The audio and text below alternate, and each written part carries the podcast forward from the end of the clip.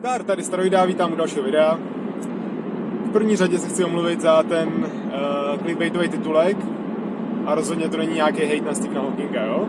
Ale prostě já jsem psal o tom na, tom, o tom na Facebooku a na Twitteru a tak, a tak jsem si řekl, že na to natočím video. Tak jdem na to.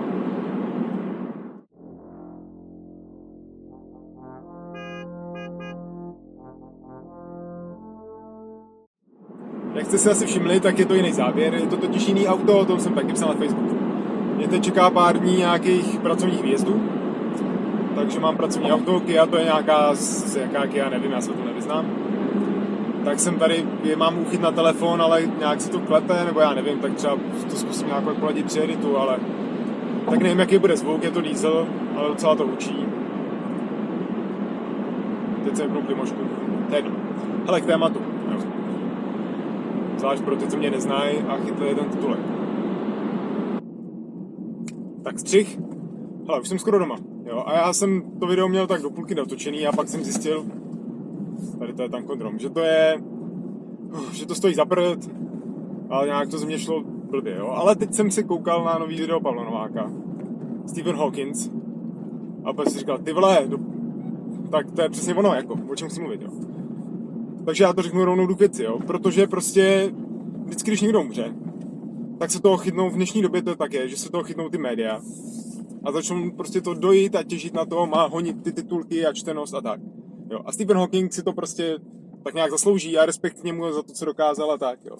Ale prostě bylo toho moc, já jsem celý dopoledne si zakázal koukat i na aktuálně CZ, kde vysel ten červený pruh o tom, že jako, jaký to byl světoznámý vědec a tak tak jsem zastavil doma, protože to chci natočit, tak se žena snad nelekne, co tady dělám. Jo, je to stejně furt na křivo, to je jedno.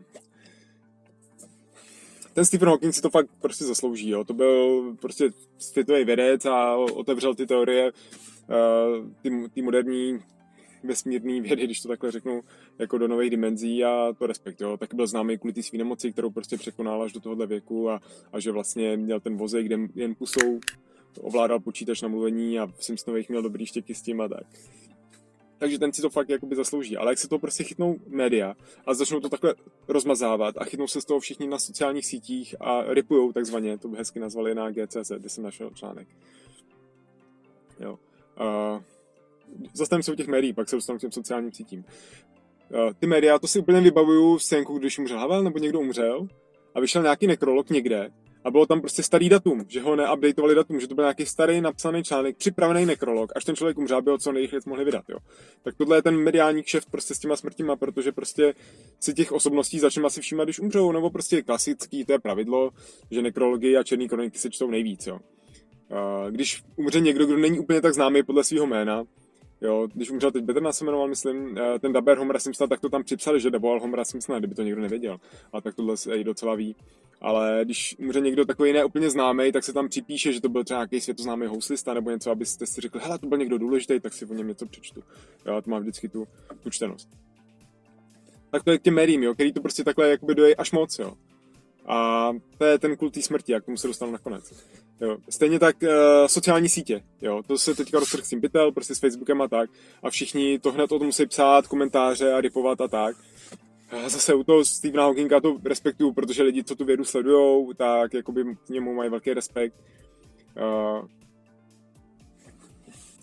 to je dneska furt rušený. Abych se zase do toho dostal.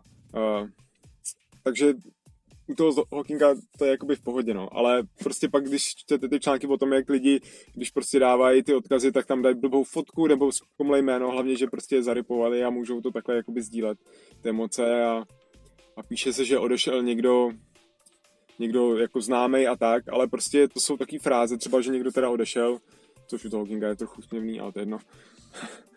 uh, že někdo takhle odešel auto Hawkinga, jo. A prostě z mého pohledu mi, on nikam neodešel, já jsem ho v životě neznal. Tohle se řeknou lidi, který, když vám může někdo blízký a znali jste ho fyzicky a vydali jste ho, že jo. Ale s tím Hawkinga jsem v životě neviděl, znám ho z fotek, z videí a dejme tomu z knížek. A ty knížky tady budou furt, ty fotky tady budou furt. Ten člověk je v tohohle pohledu jakoby nesmrtelný, že jo. Takže jakoby odešel, to je stejně takový, prostě zvlášť mě to, dráždíme to, jo, dráždíme to. To je prostě ten kult té smrti, jo, co je v té dnešní společnosti. Já už jsem o tom trochu točil video, jak na toho Charlieho Garda, jak umřel nějaký to dítě, nebo jak ho vláda ho vlastně přikázala nebo soud, a, aby ho odpojili od přístrojů. Ten kult té smrti. Ono to není jako nic podivuhodného, jo? protože prostě smrt je fenomén, který ty lidi prostě úplně neskutečně přitahuje a definuje život, dá se říct.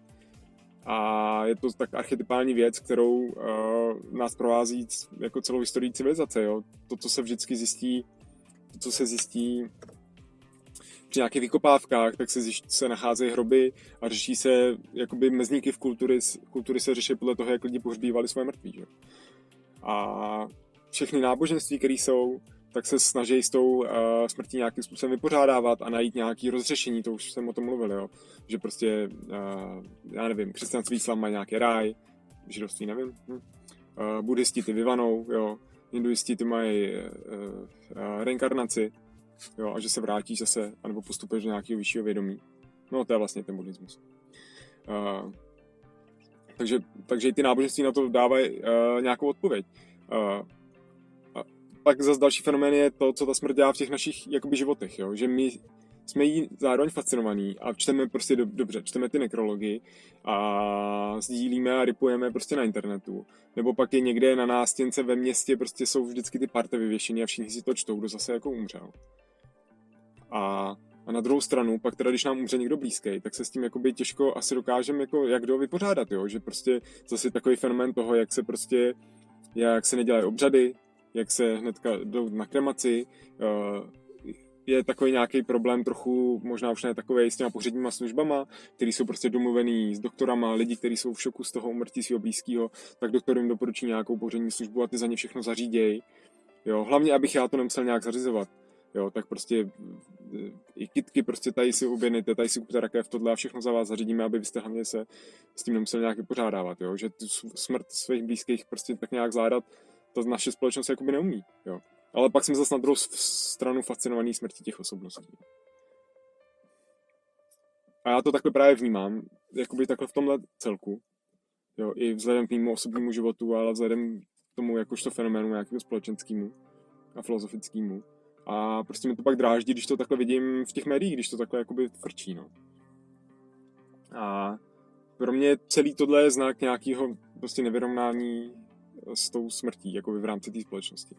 A já se teď přemýšlím o sobě, jak to já mám, jo. Proč mě, jestli mě to irituje z toho hlediska. Protože já mám pocit, že je nějakým způsobem vyrovnaný s tím sem. Ono to je i v rámci nějakého duševního, duchovního rozvoje, je to jedna z, z těch jakoby věcí, které člověk musí v sobě vyřešit, ať, ať už svoje nějaké vnitřní komplexy a stíny, pak i vlastně se vyrovnat s tou svojí smrtelností, jo. A, a, jak se jmenuje, Cesta pokojného bojovníka, jaký knížka od Milmana tak tam je v jedné fázi taky jakoby prochází ten hrdina tím, že prostě jakoby pozná tu svoji smrtelnost, jakože má vize, jak se jeho tělo rozkládá a prostě v, těch, v tom věku a, v, a nebo v tom čase té planety, jak prostě je úplně nicotnej a tak, jo, tenhle ten existenciální uh, sevření, který máme každý, jo, tak je potřeba se s tím nějak vyrovnat tak já nevím, já jsem s tím vyrovnaný a tím pádem mě to dráždí, že ty, lidi to takhle prostě kanalizují skrz, skrz tyhle ty přehnané řešení těch umrtí slavných lidí a pak u sebe doma si to vyřešit ne, neumějí. A nebo naopak s tím třeba vyrovnaný vůbec nejsem a proto mě to dráždí zase, nevím. Tak závěr z toho nějaký. Nevím, asi ne. Jo, nějak, já třeba o nějakým tom uh, rozvoji duchovním i s ohledem na tohle třeba ještě natočím, protože to, to jsem ještě netočil a mám to taky dlouho v hlavě. Ale prostě tady jsem to chtěl jenom takhle sdělit. No. Takže mi napište do komentáře, co si o tom myslíte. Jo. Ani ne o tom Hawkingovi, ale obecně. Jestli vás to taky dráždí, nebo vám to přijde v pohodě. A tak. Jak jsem říkal, teď budu jezdit na ty pracovní uh, cesty, takže budu moc možná točit takhle tak uvidím, no. Zítra jdu s kolegou, tak toho asi nebudu otravovat, anebo bych mohl s ním natočit nějaký pokec, to se ho zeptám, jestli chce být zveřejněný. Ale uvidíme, takže něco asi bude, když mi napadnou témata. Já myslím, že vůbec točit nebudu moc, ale bude to. Tak jo, tak si mějte a u dalšího videa se uvidíme. Čau.